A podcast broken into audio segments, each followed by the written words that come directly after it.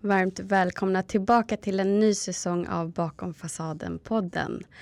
När vi slutade säsong två så pratade vi om den dolda narcissisten eller den så kallade sårbara narcissisten.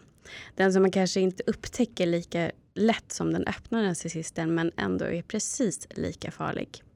Vi kommer fortsätta i temat nu i första avsnittet för säsongen och därför så har jag bjudit in en person för att prata om den öppna narcissisten.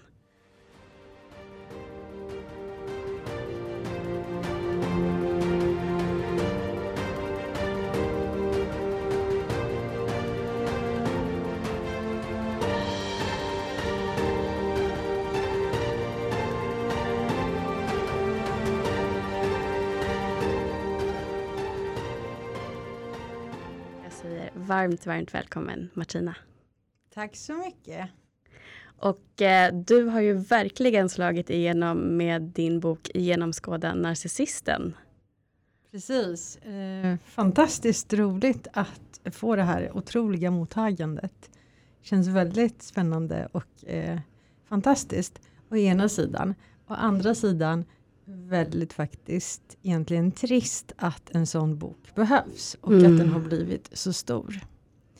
Eh, och att det är så många då som har eh, blivit drabbade, som har liksom läst boken och som känner sig igen i historierna, som, eh, eh eller i, precis som jag beskriver i boken. Och eh, väldigt trist att det är så många som har hört av sig och berättat om sina eh, tragiska eh, livsöden. Mm. Det känns som att Trump har ändå på något sätt gjort att vi har sett ex en extremt öppen narcissist. Och det har börjat väckas mer och mer intresse rent allmänt i media för vad, vad är det här för människor och, och liksom hur, hur påverkar de oss? Eh, men precis som du säger så upplever jag också att det är ju hemskt att det är så många som också vaknar upp till nu och förstår vad de har varit med om. Att det är inte så här det ska vara. Jag har blivit psykiskt misshandlad. Och att det ska behövas en bok och mycket media för att man ska helt enkelt lära sig vad det är man är med om. Ja, och jag tänker ju så här att det här är någonting så pass ändå viktigt och svårt och vanligt förekommande. Eh, att det är märkligt att inte den kunskapen har funnits tidigare och att den inte finns i skolorna eh, och att det inte pratas mer om det eh, på just inom läkarkåren, inom psykologin. Eh, utan fokus ligger, när man pratar om misshandel så ligger ju fokus oftast på eh, det fysiska slaget. Och det är ju fruktansvärt och det är hemskt såklart. Men det finns ju en annan sida också som är den här psykiska. Som kanske är mer, eh, till och med, alltså jobbigare och svårare. Just på grund av att det sker subtilt och att man inte kan sätta fingret på vad det är exakt som man är med om. Mm. Eh, så att eh, ja, ja, det är jättebra att, att ämnet eh, blir liksom mer och mer att eh, att det är medierna som, som fångar upp och pratar om det här och att människor också börjar liksom landa i liksom att vad det är de har varit med om i sin relation. Mm. Och jag tänker att i och med att det ändå uppmärksammas så vet jag att psykisk misshandel har det pratats om men kanske inte just i kontexten att det är en narcissist eller psykopat som man lever med. Men jag vet att jag har läst att forskning har visat att psykisk misshandel är värre, att det sätter djupare spår än vad fysisk misshandel gör. För att du blir hjärntvättad på ett sätt som gör att du har svårt att hitta tillbaka till vem du var från början. Och det känner jag igen också själv att nu är det över 15 år sedan jag gick i akutterapi för att jag hade blivit offer för en öppen narcissist. Men jag minns verkligen den här känslan av att jag visste inte vem jag var utan honom. För att jag hade blivit den jag behövde vara för att skydda mig så mycket som möjligt i den relationen. Att hela tiden gå på äggskal och tänka på vad jag sa och vad jag gjorde.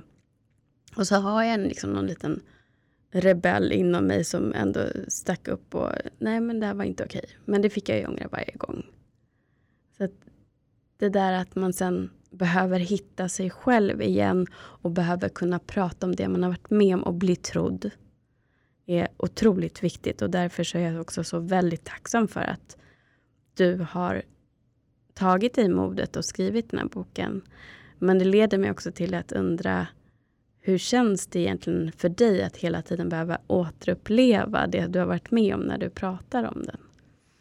Eh, intressant fråga. Jag fick den frågan också för inte så länge sedan och eh, jag eh, tror att jag har byggt upp mig så pass eh, mycket att det är faktiskt eh, jag berörs inte alls av det. Det har blivit väldigt neutralt för mig att prata om det här. Det, numera så ser jag på det som vilken händelse som helst. Mm. Som jag inte lä lägger någon större värdering eller, eller känslor i. Mm. Utan det jag upplever mer nu det är att det var en period i mitt liv som jag eh, mådde väldigt, väldigt dåligt. Men jag har ändå så pass mycket eh, alltså bearbetat det. Och det här var ju några år sedan det här, eh, mm. den här relationen tog slut. Eh, så att jag, jag kan inte säga exakt hur många år, men, men det var några år sedan. Eh, men jag, jag känner ändå att jag har blivit så stark inom mig själv. Kanske just på grund av att jag skrev den här boken. Mm. Och att jag fick någon slags upprättelse för det som hände mig. Och att jag nu äger min historia. Jag har makten nu att berätta. Och att det har ju stärkt mig också eh, i, i min läkningsprocess. Mm. Och få den här, um, det erkännandet, att ge ut en bok är ju ganska stort. Mm. Men också att kunna ge ut sin egen historia, det är ännu större. Eh, så att eh, det känns fantastiskt. Och jag, jag har ju fått gällande själva liksom ämnet i sig och min upplevelse av det, det som jag har liksom varit med om, eh, har varit att, eh, som jag sa, liksom att det är väldigt neutralt för mig att prata om det här. Så att jag mår, jag mår bra nu, men såklart så, så hänger det ju kvar vissa delar i mig. Eh, så försiktighet gentemot andra människor, nya människor som kommer in i mitt liv. Eh, så att jag är väldigt vaksam och uppmärksam på saker. Så det är vissa liksom, processer som ändå eh, hänger kvar från den relationen. Men på det stora hela så, så ja, jag har ingenting emot att träffa dig och, och prata om Nej. det här. Vad bra. Men då, det är det ultimata ändå kvittot på att du har läkt, att det inte längre känns någonting. Och det det känner, känner jag också, att liksom jag, jag känner verkligen ingenting om jag tänker på, på min narcissist. Och det var ju jättelänge sedan. Sen kan det komma upp mer och mer saker nu som jag har blockerat därför att det gör ingen skillnad. Så jag, kan, jag tror att mitt psyke tänker att det är liksom säkert att minnas det här för att det kommer inte skada mig. Men då är det mer att jag har tryckt bort allt och fått minnesluckor. Nästan. Mm. Om vi ska börja från början. Jag tänker att du träffade den här personen som vi kallar Adam i boken. Och där var det de här typiska tecken som vi får läsa om med, med lovebombing i början. Hur kändes det liksom när du gick in i det? För det var väl ganska nyligen singel också när du träffade honom. Mm. Precis, och relationen innan eh, honom var inte så jättelyckad heller. Då hade jag varit singel i några månader och träffade honom. Och bara få den här superbekräftelsen från dag ett som det var. Där han kärleksbombarderade mig. Han sa jätte, liksom, tidigt att han älskar mig. Eh, att han vill skaffa barn med mig. Eh, och det var liksom både så komplimanger i ord, men också det här fysiska, att han eh, jag kände den här värmen från honom. Och omtänksamheten och den här tryggheten och jätte, jättemycket kärlek eh, som kom från honom. Och eh, jag blev ju helt förtrollad av honom. Just också så med tanke på att just den här tidigare relationen inte alls var på det sättet. Mm. För att den tidigare relationen var ju mer liksom sund. Alltså för där tog vi det här i en vanlig takt. Så det var ju inte de här superhöga topparna. Utan det var liksom en normal utveckling av känslor och av liksom lära känna varandra. Eh, sen den tidigare relationen med honom, då landade vi någonstans i så att vi är inte rätt för varandra ändå. Men det var ju inte eh, det här starka positiva eller starka negativa. Det var liksom mer som en vanlig liksom, sund relation. Mm.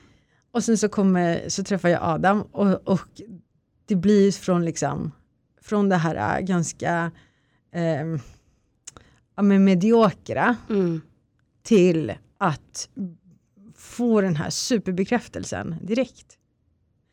Så att jag föll ju direkt. Tror du att vi har blivit påverkade av alla filmer och böcker som ändå Ja. beskriver den här stora passionen och det är den stora kärleken. Så att när man väl utsätts för den här lovebombingen så tror man att det är det som händer egentligen. Ja, ja och vi tolkar det positivt. Ja, Vi tolkar det positivt för att det är så vi har blivit uppfostrade och vi har alltså via liksom kulturen och via medier, via filmer, böcker. Och också tror jag eh, att just den här eh, uppdelningen mellan ja, men så här ska du göra när du är tjej och så här ska du göra när du är kille. Mm. Att det är liksom uppfostran från barndomen, att det hänger med oss sen i det vuxna livet. Så det är många faktorer som påverkar och ja, jag tror definitivt som du säger att media har en stor, liksom, att vi, ja, men så här, Sex and the City, alla de här liksom, filmerna som, alltså, som jag bara konsumerade och, bara, och den här Mr Big som också så här, han hade ju narcissistiska drag nu när jag tänker efter. Ja. För han kom och gick och kom och gick och hon blev som liksom beroende av honom. Eh, och det var någonting positivt. Mm. Det, liksom, det normaliserar ju det beteendet. Ja. Att man inte tänker att det, det är någonting som inte är bra eller någonting som inte stämmer med att hela tiden komma och gå in i, i någons liv. Utan Man tänker, äh, man blir bombarderad hela tiden med det här att men, han eh, kan bara inte hantera de här starka känslorna eller han är inte redo men han kommer tillbaka hela tiden för han kan inte glömma mig. mm. Och sådana saker Mm. som det är i alla de här filmerna hela tiden. Och då rationaliserar man att de hela tiden faktiskt är inne och petar på ens egna sår och rädsla för att bli övergiven. För att det blir bra igen, man får ju Mm. ruset tillbaka. Mm, mm. Precis, och, och det, men det är så korta perioder egentligen. Och det är ju inte stabilt överhuvudtaget. Man känner sig, för man vet inte, så här, och försvinner han, försvinner han för gott? Eller är det någonting bara så här, tillfälligt, att han kommer tillbaka? Eh, och du, du skapar ju en sån här väldigt otrygghetskänsla inom, inom en själv. Jag, alltså när Adam gjorde sådär mot mig, jag fattade ju inte alls Såhär, jag, för det här har jag aldrig varit med om med någon tidigare. Så jag trodde ju att när han försvann för första gången, att han aldrig någonsin skulle komma tillbaka. Så kommer han tillbaka. Och så händer samma sak igen. Han försvinner och sen kommer han tillbaka. Och så blir det så igen och igen. Jag får liksom ingen förklaring och jag bara hänger där som, som ett fån, som en idiot och, och, och väntar på honom. För det blir så här, han har gjort det här till ett beteende. Eh, och då är det så här, ja men då måste jag vara så här snäll flicka och vänta på honom. Och han styr ju relationen. Han, det är ju på hans villkor allting sker. Han har makten och han kommer och går som han vill och jag accepterar det. Dum som jag var. Så att jag tar emot honom med öppna armar varje gång han hör av sig. Vad hände i dig under de perioderna när han inte gick att få tag på eller inte hörde av sig? Ja, men då, då hamnade jag i en så här supersvacka. För först så, jag tänkte så här, nu, nu sker det liksom en gång till. vad är det som har hänt nu? Och kommer han komma tillbaka eller, eller är det här liksom slut för alltid? Nej, jag mådde jätte, jättedåligt. Det är som att hela världen liksom gungar och man vill bara, man vill inte, man, vill, för man, man fattar inte. För att han förklarar inte heller, så här, hade han sagt så här, gud, jag måste bara så här, pausa och eh, jag har annat jag behöver göra eller hantera eller göra, liksom, så, här, så, att jag kan ändå inte eh, träffa dig under bla bla bla. Och sen så kan vi höras igen. Men det är det att han inte säger någonting. Mm. Han bara slutar höra av sig och det går inte att få ta på honom och det är så obehaglig känsla. Otroligt obehagligt. Och jag känner så här, jag är inte värd någonting. Han värderar inte mig, för han vill inte kommunicera med mig. Han vill inte förklara någonting för mig. Så jag känner mig som en liten, liten människa. Mm. Som inte har någon betydelse. Och det påverkar ju självkänslan otroligt mycket. Mm. Och sen när han kom tillbaka så, så överöste han dig med kärlek. Och... Ja, och det var som att han inte, det var som att den här perioden när han inte fanns, det var som att den... Hade inte hänt? Nej, precis, som att det inte hade hänt. Som att vi var liksom tillbaka där vi liksom slutade. Och han förklarade inte någonting heller för mig, så här, varför han betedde sig som han gjorde. Och jag ställde ju frågor till honom, men han snackade bort det. Han var inte öppen och ärlig överhuvudtaget, utan han sa ingenting. Bytte samtalsämne, vilket är också så vanligt. Mm. Um, eller inte svara på frågorna. Svara väldigt trevande, eller väldigt så här, slingrande. Mm. Och jag är precis så här, som person är jag precis tvärtom. Jag är väldigt så här, konkret. Jag vill veta så här, hur, var, när och på vilket sätt. Eh, och det väckte ju enorm frustration inom mig. Just det här liksom, att inte veta. Mm. Men ändå så är längtan att komma tillbaka till så som det var i början Ja, så stark så att där gick du ändå över dina egna gränser och tog sånt som du egentligen inte kände i kroppen var okej för att få tillbaka den där, det här härliga ruset av att bli överöst av kärlek och känna dig älskad, hörd, Ja. sedd. Mm. ja, exakt. Men nu, alltså så här i efterhand, så fattar jag ju liksom att det som var från början, det var ju en illusion. Ja. För att han, det var inte så. För jag tänkte så här, ja men det här dåliga, det händer, det är bara något tillfälligt och det här bra som var från början, det var på riktigt. Men det var ju precis tvärtom. Så att det jag gjorde fel och det många gör fel här är att man förknippar det här liksom positiva och det här som är i början med, med att det är så den här personen är. Men det är precis tvärtom. Det är en fasad, det är en illusion. Det, det finns ingenting där bakom. Så det som är verkligt, det är det som händer efter den Exakt. fasen. Det är det som är den verkliga människan. Mm. Och det här från början, det kommer man aldrig uppleva. Nej, och det tar ju väldigt mycket kraft för en narcissist att behöva spela någon de inte är. Och det gör de bara i, i idealiseringsfasen för att få dig på kroken. De bygger upp det som de tror att du vill ha. För att du ska bli så svältfödd på det när de tar det ifrån dig. Att du ska göra vad som helst för att nå dit igen. Och därför så kan de hålla kvar dig. För att det är så starkt rus och det är tvärtom mot allt annat sunt, normalt och då för dig tråkigt. Så att du vill bara hamna där igen. Och du manipulerar till och med dig själv. Det är det som är så Mm, otroligt mm, läskigt. Precis, att de tar, det är som att de trollbinder en. Mm. Det är som att de liksom har någon så här trollformel som de liksom kastar på en. Och man frångår sina egna värderingar och, och då inte sätter gränser. Vilket också har jag lärt mig så här i efterhand att det är superviktigt att när man känner någonting att det här är, är inte rätt, det här är någonting som inte känns helt hundra, då ska man ju sätta gränser. Men tyvärr gör man inte det. Mm. De, de är ju väldigt duktiga också på att få en att se det här skadade lilla barnet i dem. Som man skyller på att det är nog därför det är svårt för dem att inte upprätthålla det här kärleksfulla som man hela tiden vill känna. Men om du hela tiden lever i en illusion då kommer du ju aldrig nå dit.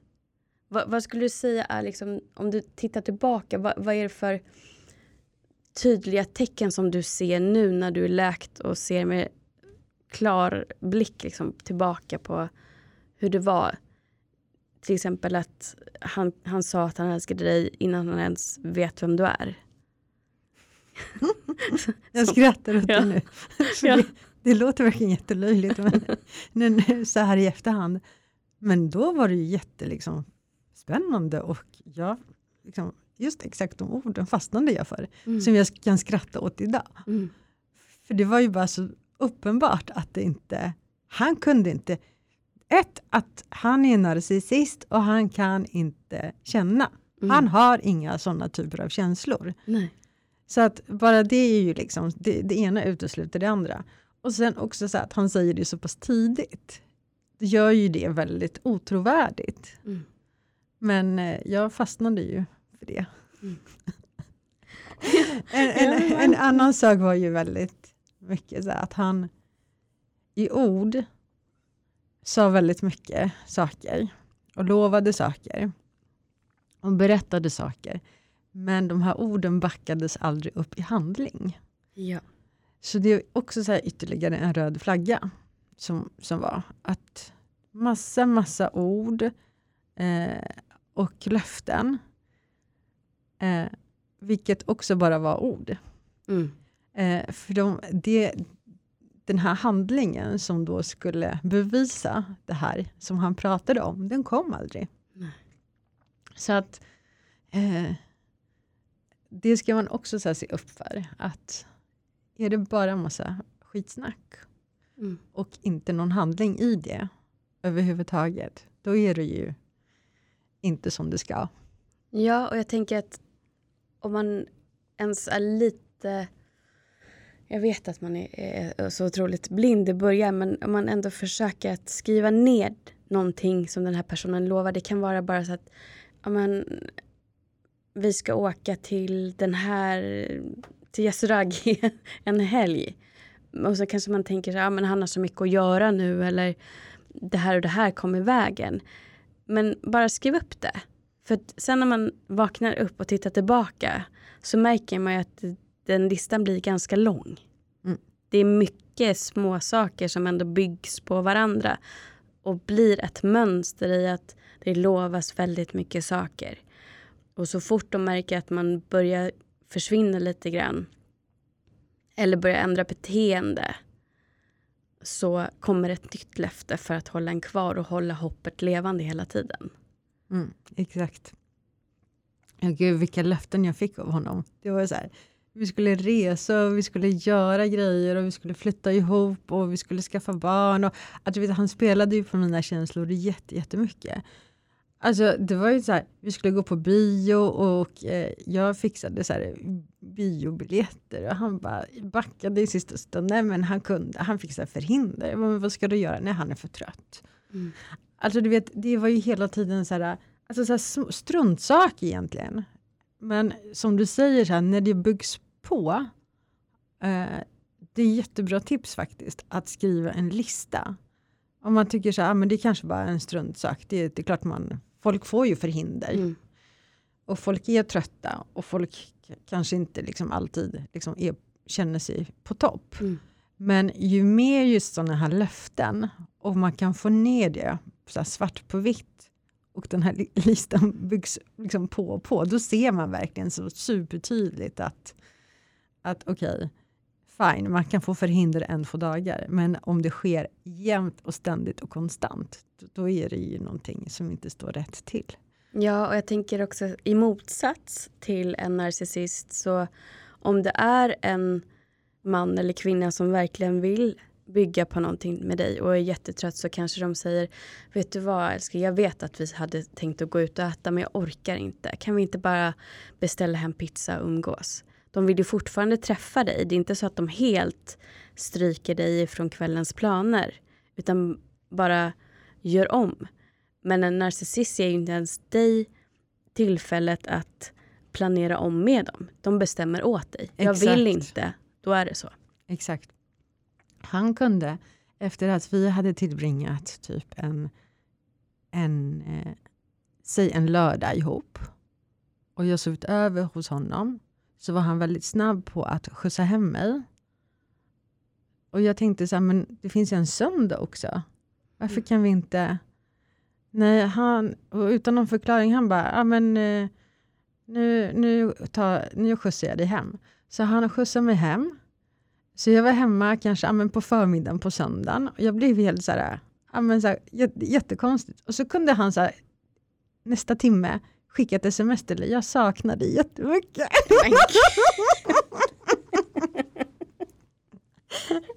Ja men när man tänker tillbaka så blir det ju så skrattretande. Alltså det är så löjligt. mm.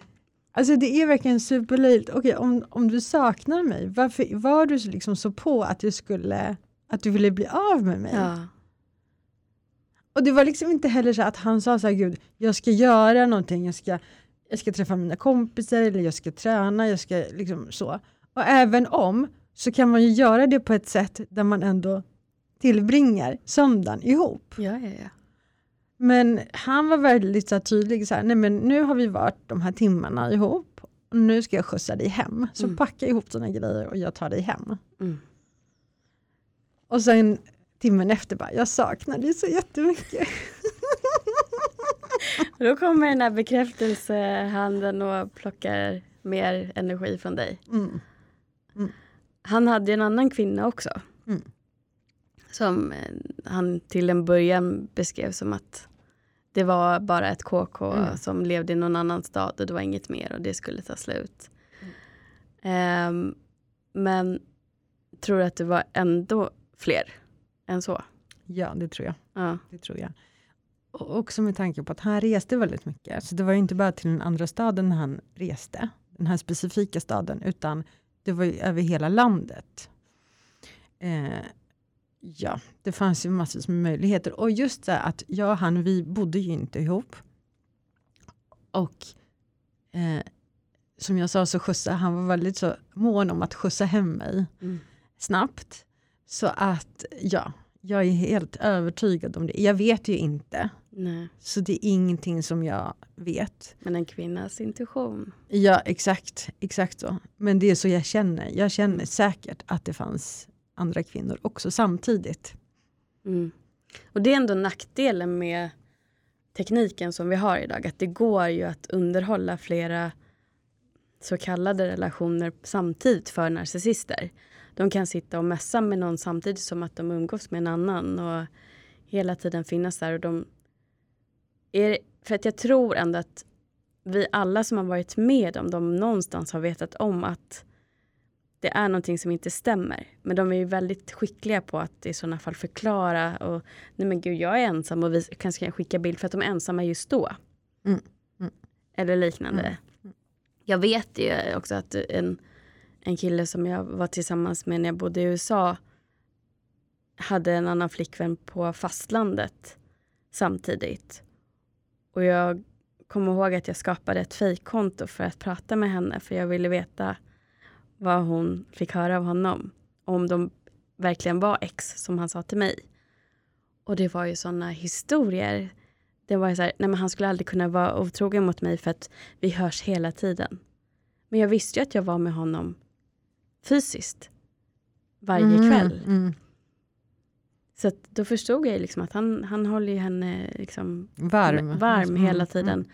Och sen så när jag trodde att vi var i en sån här period när det bara var tyst men det kommer komma tillbaka så åkte han till fastlandet och gifte sig med henne.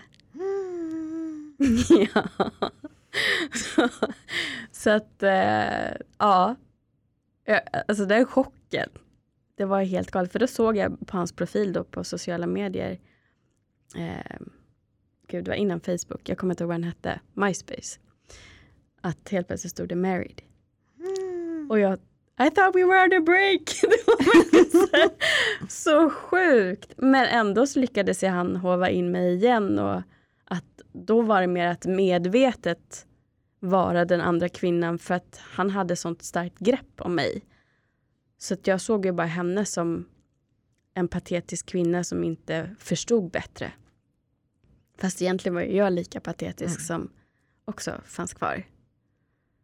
Så när man tittar tillbaka flera år senare och inser att herregud vad man blir beroende av de här dopamin och cytocinruscherna som hela tiden kommer och att man inbillar sig att det är normalt och det är bara så komplicerat mellan oss och det ligger säkert hos mig. Men att de lyckas ändå ha kvar en i några år. Mm.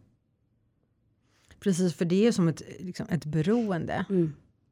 Eh, exakt samma mekanismer i hjärnan som händer eh, när man utsätts för de här, liksom, de här höga eh, topparna.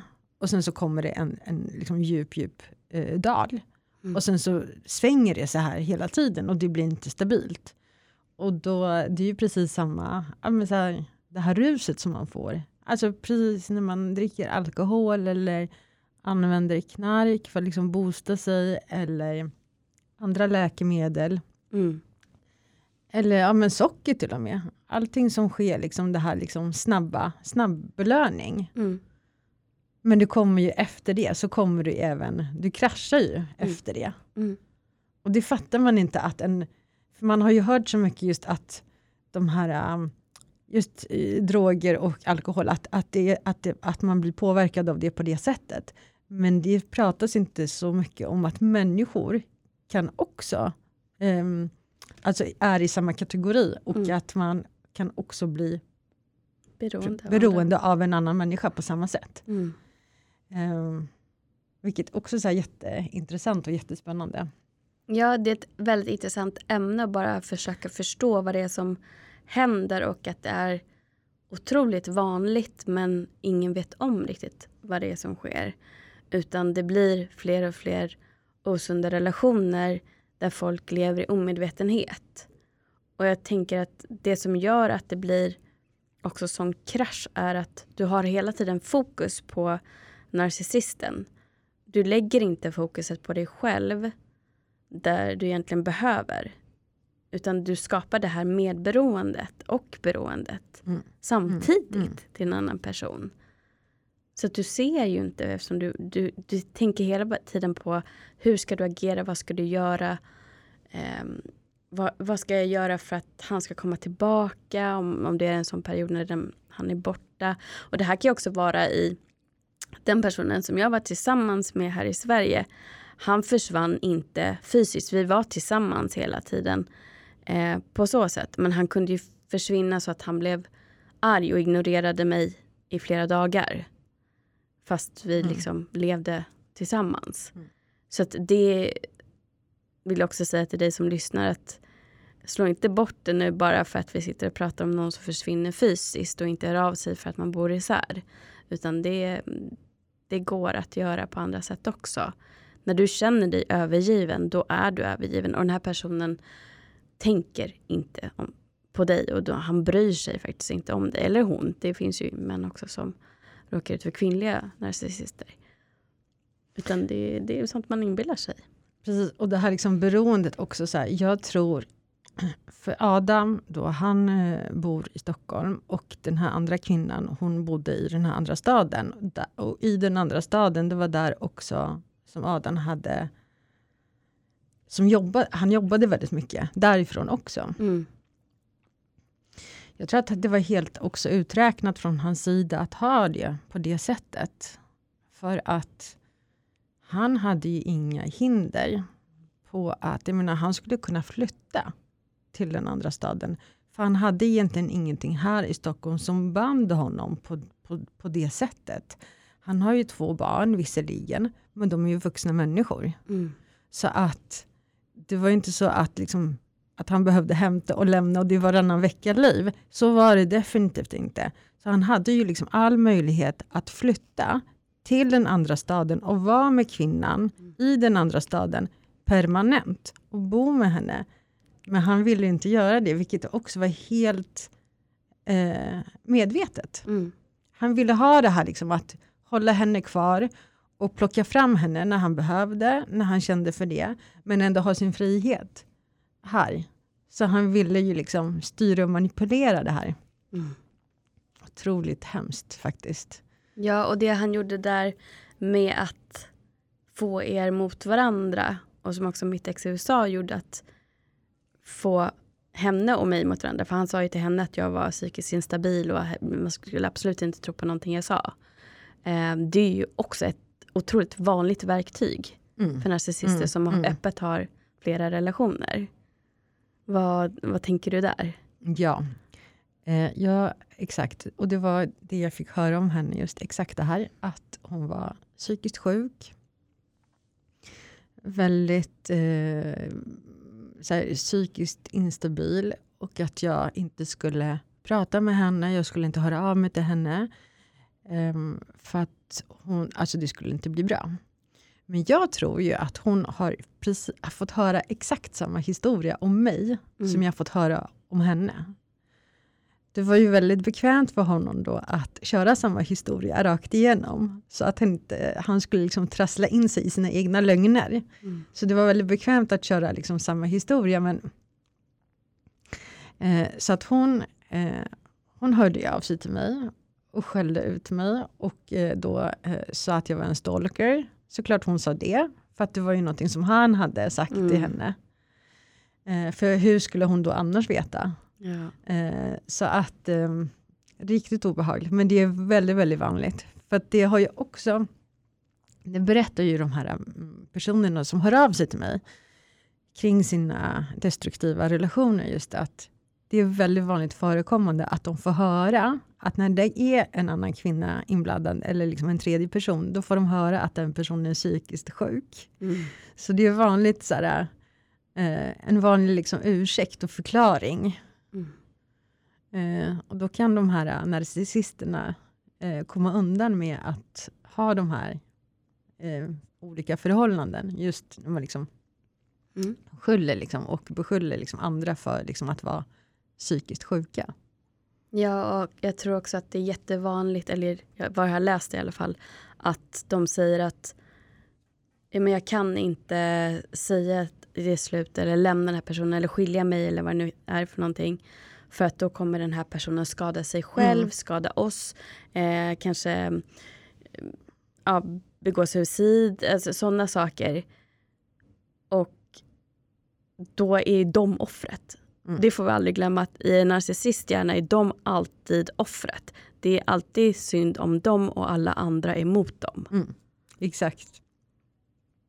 Ja, De är, exakt. Kolla stackars mig vad jag har Ja. råkat ut för. Ja. Jag har råkat ut för den här galningen och jag måste på något sätt så här, eh, alltså hantera henne på ett bra sätt för Mm. att inte något annat mer allvarligt ska, ska kunna hända. Och kolla, det är synd om mig här för att jag har råkat ut för de här galna människorna som är runt omkring mig. Ja, men, ja gud, herre Jesus. När man tänker efter och ser också, ja, när man tittar på Trump, alltså det, det är ju, folk skrattar, men den här personen tror ju fortfarande att de är störst, bäst och vackrast på riktigt. För det är den, den bilden de har byggt upp för att kunna överleva. Så de tror ju på det själv. Mm. Helt enkelt. Och det som jag känner när jag har läst på så mycket ämnet är också att det är faktiskt ett spektrum. Det är olika grader av narcissist hos olika personer. Alla har lite grann för helt enkelt kunna vara drivande och tro på sig själv. Men sen finns ju de som har stark grad som faktiskt gör såna här saker som Adam och skadar andra människor på vägen. Om du som lyssnar tänker att ja, men det här har inte hänt som ni pratar om nu. Men du känner ju fortfarande på dig om det är ett beteende som gör att du pendlar mellan att det är jättemycket kärlek och ingenting. Att den här upp och ner kurvan hela tiden finns där tyder bara den på att det här är inte någonting sunt. Det här är inte någonting normalt. Och det är inte kärlek. Utan du blir kär i någon person som faktiskt inte finns. Sen vet jag inte ens om man ska säga bli kär, men man, man tror ju att man är kär i alla fall. Och det är ingenting som blir, det kan vara långsiktigt därför att den här personen drar ut det länge. Men jag tänker ändå att vi ska, jag tänkte att du ska hjälpa mig att bara försöka ge några stycken exempel som ändå är mest vanliga med de här extroverta narcissisterna, hur vi kan känna igen dem. För att ändå försöka förenkla. Men jag vill bara liksom höja en liten flagga på att det, allt kanske inte stämmer in till punkt och pricka, men att det finns mycket som, som stämmer på de flesta. Precis. Det som är en supervanlig så här, manipulationsmetod i det här med gaslighting. Eh, och eh, Det har att göra med att eh, narcissisten alltså förvränger verkligheten. Så att du tror ju att det är, du ser världen på ett sätt. Och den här narcissisten är så sjukt övertygande och säger så här, nej men så är det inte. Snön är inte vit, snön är rosa. Så att till slut så börjar du tro på, ja men, ja men det kanske faktiskt är så, att snön faktiskt är rosa. Mm. Eh, så att eh, de är så sjukt, och, och, det är liksom både alltså, hela, alltså händelser och situationer som de förvränger. Så att man börjar liksom tvivla på sig själv och på sin egen uppfattning om att saker är, är på ett visst sätt. Och det är ju väldigt, väldigt, väldigt vanligt förekommande. Just, just den här rubbningen av verkligheten. Att man blir helt... Eh, och, och från början så, eh, så blir man så lite så här, jaha, men vänta här, du, det du säger är fel. Men ju mer narcissisten håller på att, att säga och hjärntvättar dig, desto mer tenderar du att tro på honom. Mm. Och därför är det superviktigt att i det läget inte eh, hålla det inom sig, det som händer. Att ha en speaking partner, det kan vara en, en familjemedlem, det kan vara en nära vän, det kan vara någon på jobbet, det kan vara vem som helst som kan se den här verkligheten på ett annat sätt som kan tala om för dig att så här, nej men snön är faktiskt vit. Den är inte rosa och har aldrig varit det och kommer aldrig vara det. Mm. Utan den är vit och har alltid varit det. Och det du får höra här, det är manipulationer. Så jag tror att det är också så viktigt att för vi liksom som har drabbats, vi tenderar att ja, skuld och skam, att vi, vi skäms för att saker och ting händer, eh, så, så tenderar vi att inte berätta saker för vår omgivning, att vi är i destruktiva relationer. Mm. Men jag tror att det är väldigt viktigt att folk eh, runt omkring en får höra mm. faktiskt hur det ligger till. Mm. Och det, det, det, är väldigt viktigt och sant det du säger, för att det finns ju en längtan i oss alla efter den här stora kärleken, vilket gör att när du ändå är medveten om att den här personen gör mig faktiskt ledsen om och om igen, så vill du inte berätta det för att du vill också bygga på den här perfekta fasaden och vara som du tror alla andra. Jag kan också ha en helt underbar relation och därför vill du inte kanske säga att nej men jag har inte hört av honom på några dagar nu eller han kallade mig det här och det här eller vi bråkade, han ignorerade mig hela kvällen när vi var ute med andra människor och skämde ut mig. Hur, hur ska du kunna få andra att tro att du är lika lycklig som dem om du berättar det? Så det är så sant det du säger, den här skulden och skammen för att du inte lyckas upprätthålla en fin och lycklig relation som egentligen där skulden och skammen ligger på narcissisten. Men du lägger den på dig själv och därför berättar du inte. Men det, berätta för en dagbok så länge. Mm. Att huvudsaken att du får ut det så att du kan gå tillbaka sen när du ändå får nog och väljer att, att lämna den här personen. Att hålla fast vid det som du vet är någonting du inte vill ha.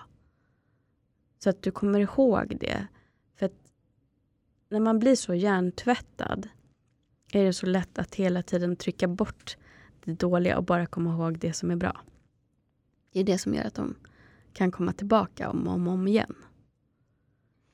Precis, och det du sa, skriv dagbok eller så här, också spela in era samtal. Mm. Det är också superenkelt numera att, mm. att bara göra det. Sätt på den här telefonen.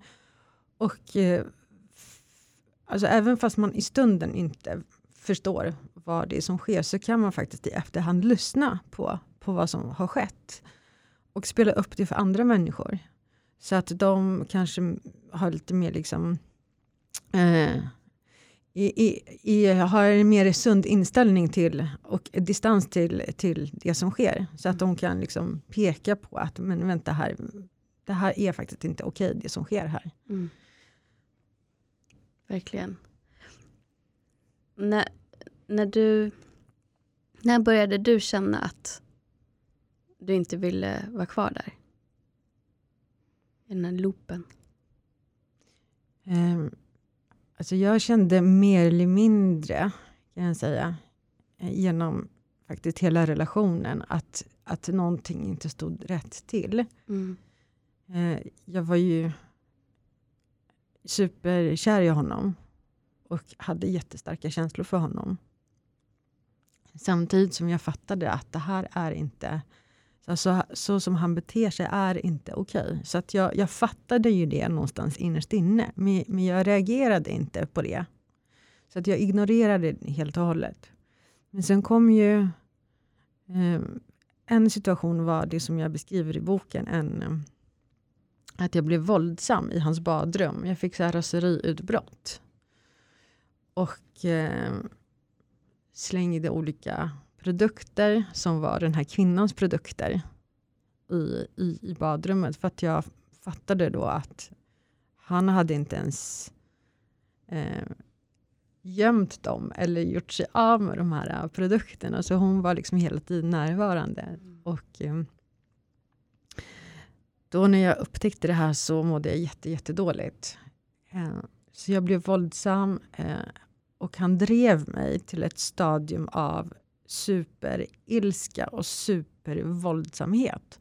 Det var inte så att jag blev våldsam mot honom, men eftersom jag betedde mig på det här sättet som jag sen skämdes över och mådde väldigt, väldigt dåligt av, så blev det väckarklockan för mig. Och också den specifika händelsen som, som fick mig att ta beslutet att lämna honom. Mm.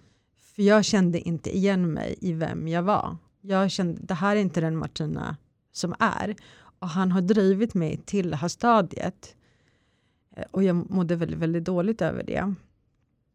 Och det var den specifika händelsen som faktiskt som blev den här väckarklockan och som gjorde att jag eh, beslutade mig för att lämna honom. Men sen så dröjde det faktiskt ytterligare några månader innan jag faktiskt till slut eh, tog steget mm. att, att faktiskt göra det på riktigt.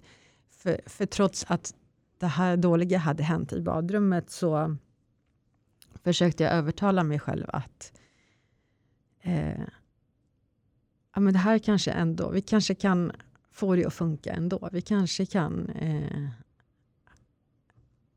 liksom, ja. Slå upp allting. Ja men precis. Men, och det verkade faktiskt så direkt efter att han på något sätt eh, förstod att han hade skuld i det här. Att det var på grund av att han då lovade massa saker som han inte levererade som gjorde att min frustration hade byggts upp. Så han tog ju på sig skulden för det som hade hänt. Men sen så vände han efter bara några dagar och beskyllde mig för det här.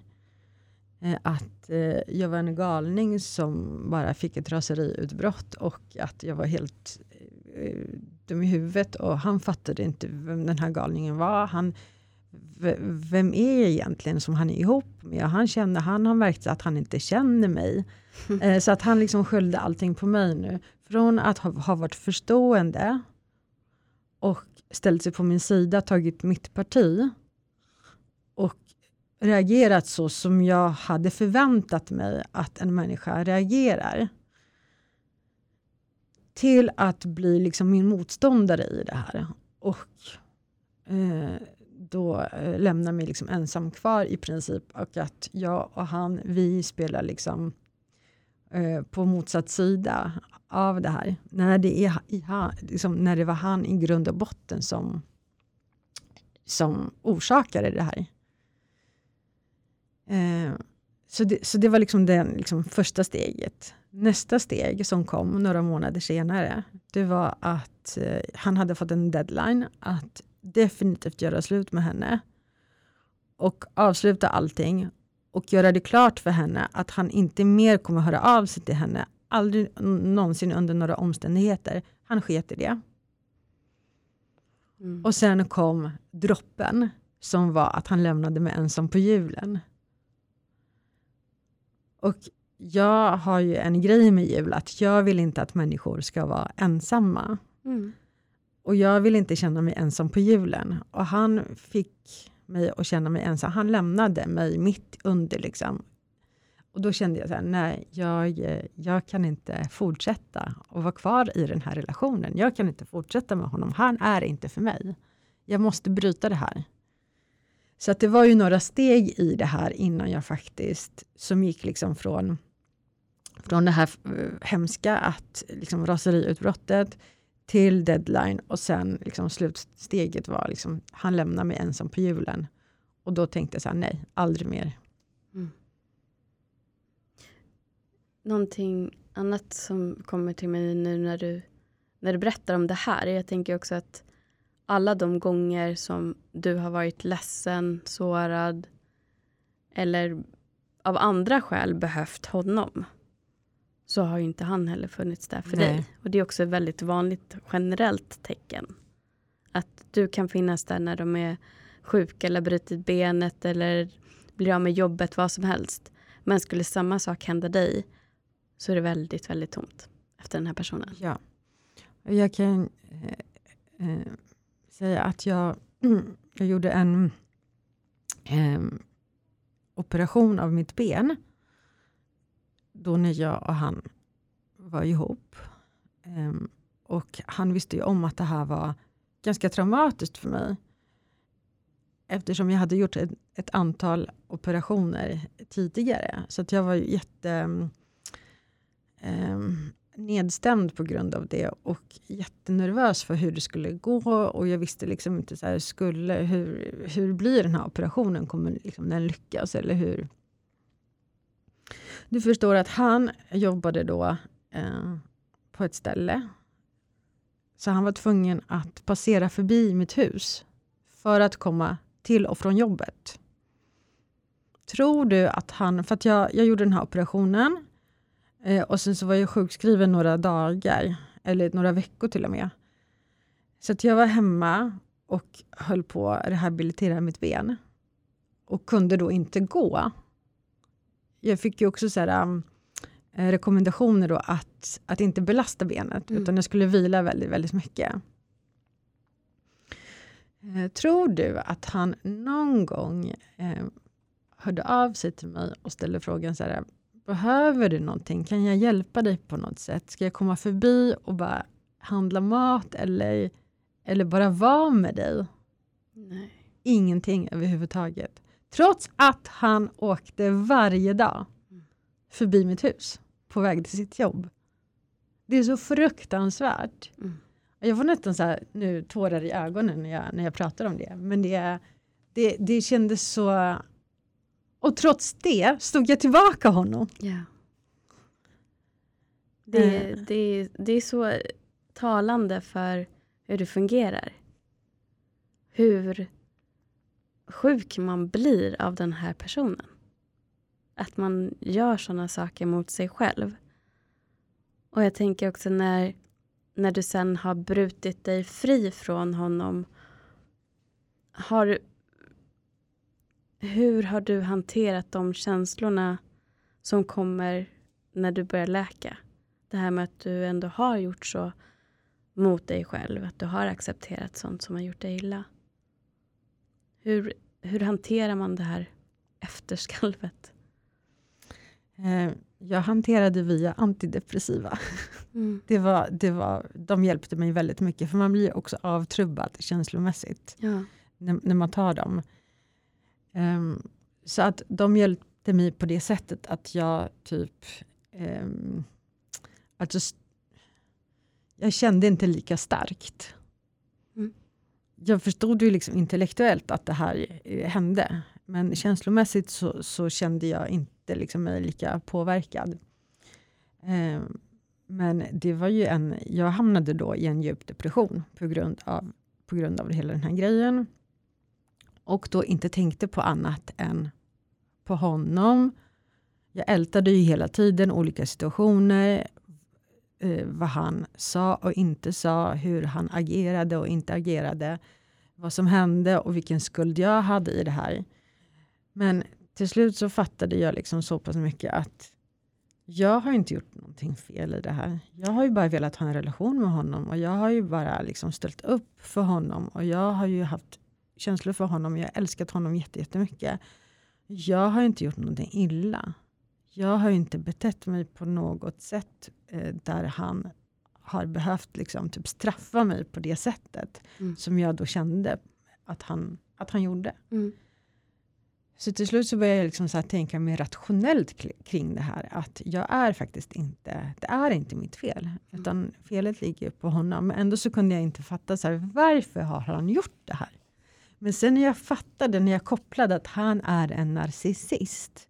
Det var då allting lossnade för mig. Mm. Att, att det var liksom så här, okej, okay, han, han beter sig så här för att han inte har någon empati.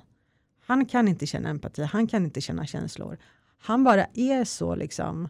Han har en fin yta men det, liksom, det slutar där. Mm. Så att jag började liksom då läsa om, om, på, om narcissister och, och allt i princip stämde in på honom. Mm.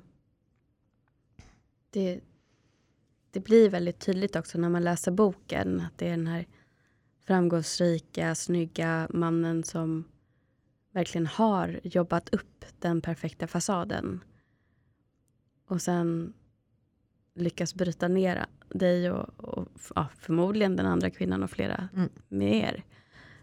Um, så att det, det är ju viktigt också att ta den tid och hjälp som behövs för att bygga upp den vi är.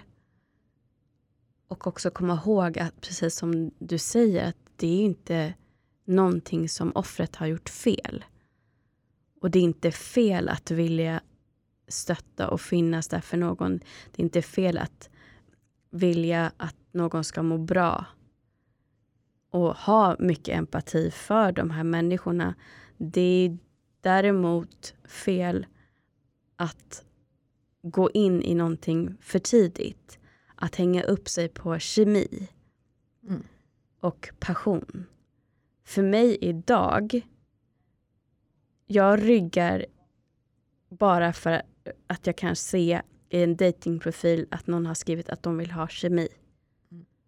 För för mig är kemi giftigt. Det ska vara slow candle burning, inte en forest fire. Mm. För att jag har lärt mig att det vi lär oss, som vi pratade om initialt med Sex and the City och alla de här romantiska filmerna, när någon blir ja, någon kommer och sveper undan fötterna på dig. Det är så vi hamnar i de här giftiga relationerna. Och de här fasaderna är ganska ointressanta och tomma framför allt.